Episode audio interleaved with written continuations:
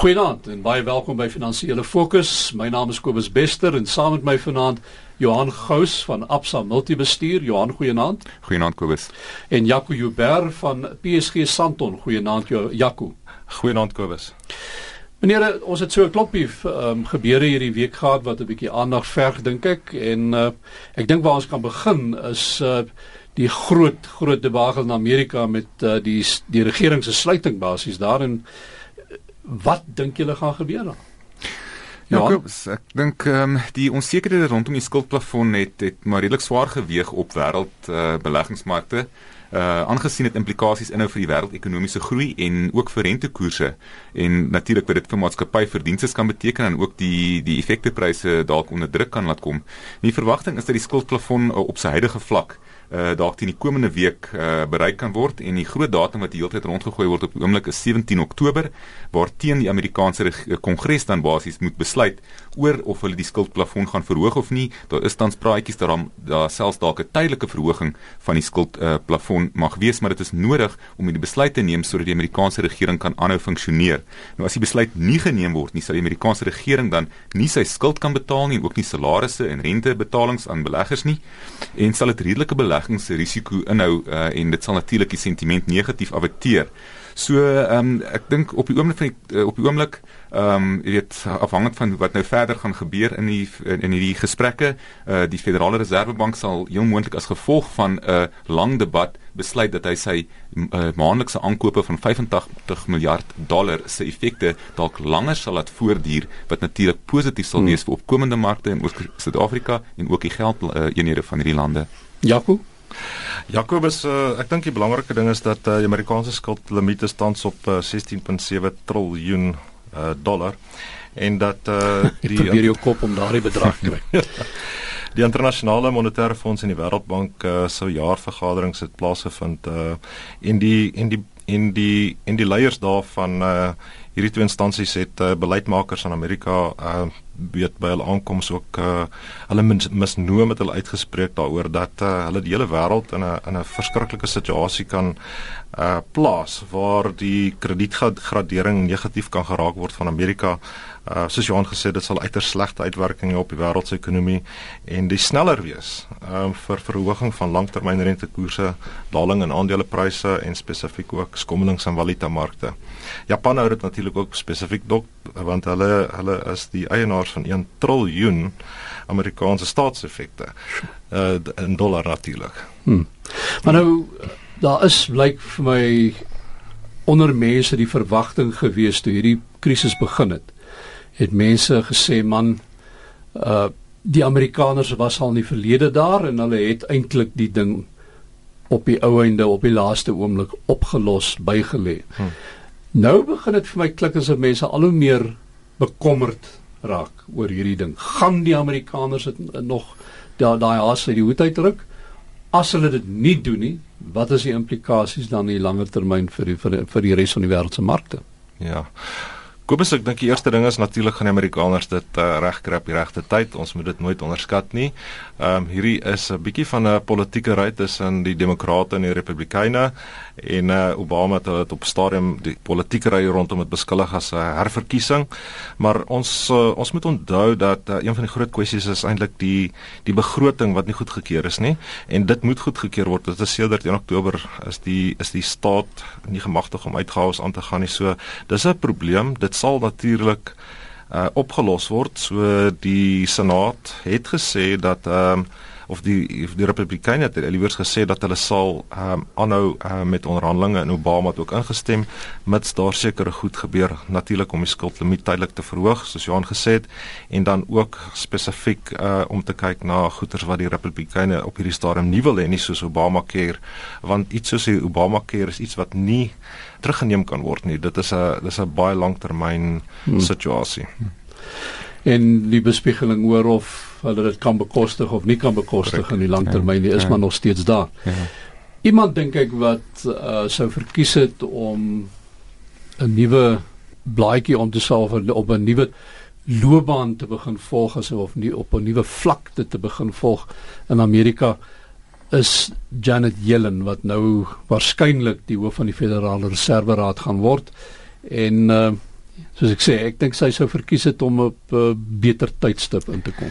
Ja, Kobus, ek dink te midde van die besluit rondom die kredietplafon en ook die kwantitatiewe verruimingsbesluit oor wat die tydsberekening rondom dit is, het ons nou ook natuurlik hierdie nuwe verwikkelinge rondom die nuwe president van die Federale Reservebank wat aan die begin van 2014 'n uh, posisie moet inneem. En die groot vraag eintlik is tot watter mate hierdie nuwe president dan eintlik hierdie beleid van goedkoop geld en lae rentekoerse wat deur Ben Bernanke die laaste paar jaar gevolg is, eintlik sal in plek hou. Uh en as ons gaan kyk wat die die implikasies daarvan natuurlik is groot gegee dat die, die Amerikaanse ekonomie verteenwoordig amper 25% van die wêreldekonomie.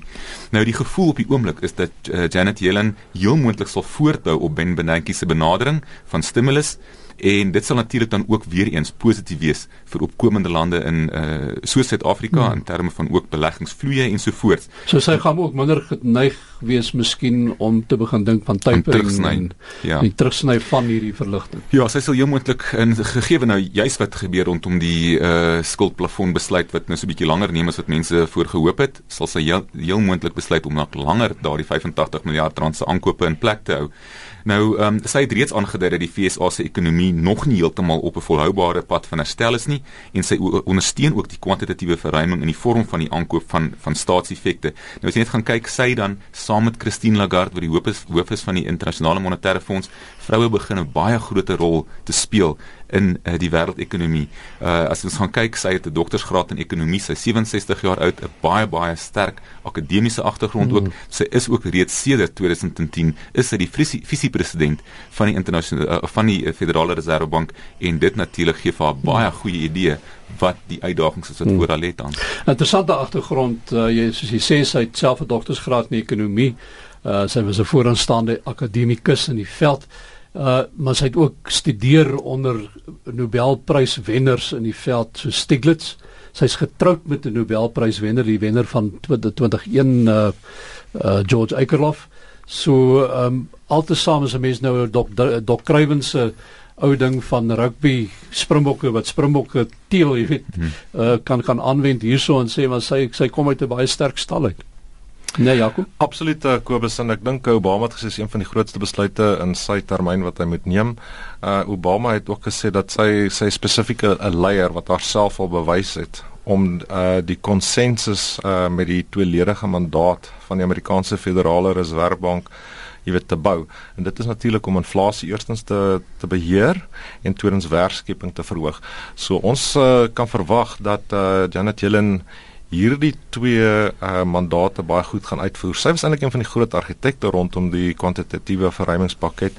Sy het ook uh, aangedui dat rentekoerse baie laag sal bly naby aan 0 tot uh, diep ver in 2015 en dit is sodat uh, werkskepping um, by 'n koers van onder 6.5% uh, kan of of werkloosheidssyfer onder 6.5% kan daal. Kom ons kyk nou na die IMF e en uh, die organisasie wat nou met sy jaarlikse uh, World Economic Outlook uitgekom het en ek moet sê uh, niks aardskuddends daar nie hoewel hy hulle bietjie afwaarts aangepas het Johan. Ja, Kobus, die IMF e het Woensdag sy jongste opdatering vir die wêreldekonomie uh, vooruitsigte bekend gemaak en uh, weer eens sy verwagtinge vir ekonomiese groei afwaarts aangepas dieselfde as in sy opdaterings wat hy in Februarie en Julie vanjaar gedoen het. Uh, die internasionale monetaire fonds verwag dat die wêreldekonomie uh, vanjaar nou slegs met 2.9% sal groei uh, teenoor sy verwagte groei van 3.2% wat hy nog in Julie vanjaar gehad het. Ek dink die groot onderskeid hierso is die uh, IMF sien wel 'n verbetering in die groeikoers van die ontwikkelde lande soos Amerika, Japan, die Verenigde Koninkryk en Europa of die die grootste die die die noorde van Europa meer maar dit sê vooruitsigte vir die opkomende lande se ekonomieë wat hom nou genoop het om die wêreldekonomiese groei syfer uh, laer uh, of afwaarts aan te pas en dit is werklik strukturele beperkings arbeidskwessies spesifiek soos ons ook in Suid-Afrika ja. oomblik ervaar as ook 'n afskaling van beleggings wat die hoofrede is, is vir die verlangsaming in die verwagte ekonomiese groei van die IMF e vir die ontwikkelende lande. En uh, terwyl ons nou daaroor praat, as ons nou kyk na die vooruitsigte vir Suid-Afrika spesifiek, um, soos jy sê, uh weer eens effens af uh, afwaarts aangepas en die goederes wat haper is ja. is arbeid en die tipe goed. Ja, baie interessant. Uh die IMF e het eintlik die die groeiverwagtinge vir Suid-Afrika in sy Julie verslag redelik skerp afwaarts aangepas en die verwagting het hy onveranderd gehou vir hierdie jaar vir 2%. Ehm um, maar dan as ons gaan kyk, die groei in Suid-Afrika is onder druk weens stakings, lae investeringsvlakke as gevolg van besigheidssentiment. Miskien gaan ons nou 'n bietjie praat oor die situasie rondom BMW en die vakbonde. En dis so dit is negatief en dan ook die verbruiksbesteding wat onder druk is weens huishoudings se besteedbare inkomste wat gedurig bly daal as gevolg van stygende lewenskoste, werkloosheid wat ons nie van die 25% vlakke kan laat daal nie ten spyte van die ekonomiese groei wat ons tans beleef. Nou kom ons praat oor uh, BMW en die motorvervaardigers die myne lyk vir my is op die oomblik 'n land wat styer van een krisis na die ander een. Amplat sit daarom nou lyk dit vir my reg gekry dat hulle ouens gaan nou ook terug werk toe.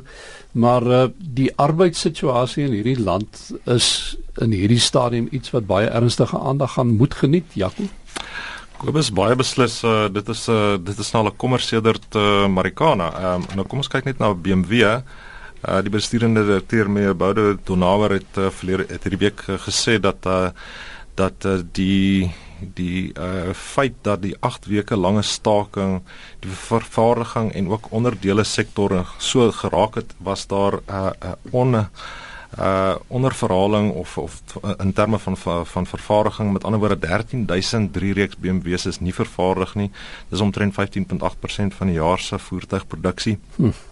En dit het uh, definitief ook die moontlikheid van die vervaardiging van 'n nuwe model laat skare lys. So Suid-Afrika se verwyder van 'n lys van lande vir die oorweging daarvan. So die reputasieskade vir Suid-Afrika is so enorm in, in 'n industrie wat 30% van die vervaardigingsuitset in Suid-Afrika vir voor verantwoordelik is. En 'n bedryf wat internasionale baie baie goeie reputasie gehandhaaf het tot nou toe. Absoluut. En ek wil net uh, sê dat dat miskien besef ons nie op hierdie stadium nie, maar dit verlede jaar al was Mercedes-Benz besig om te kyk na rondom die tyd met Marikana toe daar geskiet is deur die polisie op uh, op op werkers om om ook 'n ander model op die C-klas uh jy weet te, te bou en hmm. nou het ons niks daarvan gehoor nie. Nissan het 'n paar planne aangekondig. So hierdie reputasieskade van Suid-Afrika rondom die arbeidsonrus uh, is enorm. En dit is ook 'n probleem vir ons want die die regering doen nou niks daar nie. Uh, as ek sê niks nie, dan bedoel ek regtig dat uh, ons uh, president is regtig nie besig om uit te kom enigiets daar te doen nie. Hmm. En ons moet ook verwag dat rondom 'n tydperk nou soos rondom verkiesings wat voorlê, dat daar dalk niks gaan gebeur nie. So ons is in 'n ons is in 'n periode hmm. waar ons kan verwag oor die volgende etlike maande kort van 'n jaar dat uh, dat ons in 'n baie moeilike situasie gaan wees rondom hierdie arbeidskwessies. Maar en wanneer dit gebeur wil ek nou maar net 'n paar ander name noem en dit is Moody's, S&P en hierdie ouens want dis die ouens wat nou hier sit en kyk wat gebeur hier. En voor jy ja. uitvee dan word ons nog weer eens in die gradering af, ja. afwaarts aangepas. Ja, kom ons nog kyk die ehm um, vervaardigingssyfers wat uh, donderdag bekend gestel is, sê vir ons dat ons gaan 'n baie moeilike derde kwartaal beleef. Die syfers lyk nie goed nie. So ons is besig om momentum te verloor, die bietjie momentum wat ons in die Suid-Afrikaanse ekonomie het. Ek dink soos wat Jaco gesê het, jy weet ons gaan kyk na ons is in 'n situasie waar die regering en uh, die arbeid is dalk bietjie te naby aan mekaar op hierdie stadium met die verkiesing wat opkom uh, opkom kan ons nie sien dat daai verhouding eintlik werklik uh, verder van mekaar af gaan beweeg nie. So daar is nie regtig 'n gelyke speelveld wanneer dit kom met gesprekke en uh konstruktiewe gesprekke met die private sektor nie. Maar ek dink bo op die kwessie van hierdie arbeidsonrus en die staking sit ons dan ook met 'n uitdaging van 'n steeds dalende produktiwiteitssyfer in Suid-Afrika. Uh as ons gaan kyk, ons produktiwiteitssyfer het vanaf 2000 gedaal met 41% terwyl reële lone, dit wil sê na inflasie, gestyg het met 53%. Ons is besig om 'n baie onproduktiewe en onkompeterende ekonomie op die oomblik te skep en hierdie arbeidssituasie is nie besig om dit te help nie. En dit bring ons aan 'n einde aan van finansie finansiële fokus. Ongelukkig daar's nog 'n paar goed wat ek graag sou wou bespreek het. Ek sou graag wou gepraat het oor Rolof Botha en sy siening oor ongesekerede skuld in die land, maar dit gaan moet oorstaan. Volgende week is Ryk van die Kerk weer terug met ons. Maar uh, dit was my lekker die afgelope 3 programme om uh, saam met julle te te wees op 'n Sondag aand. Maar uh, ons moet nou groet namens uh, Johan Gous wat vanaand saam gepraat het van Absa wil te bestuur. Jaco Joubert van PSG Santon. My naam is Kobus Bester en ek groet tot 'n volgende keer. Totsiens.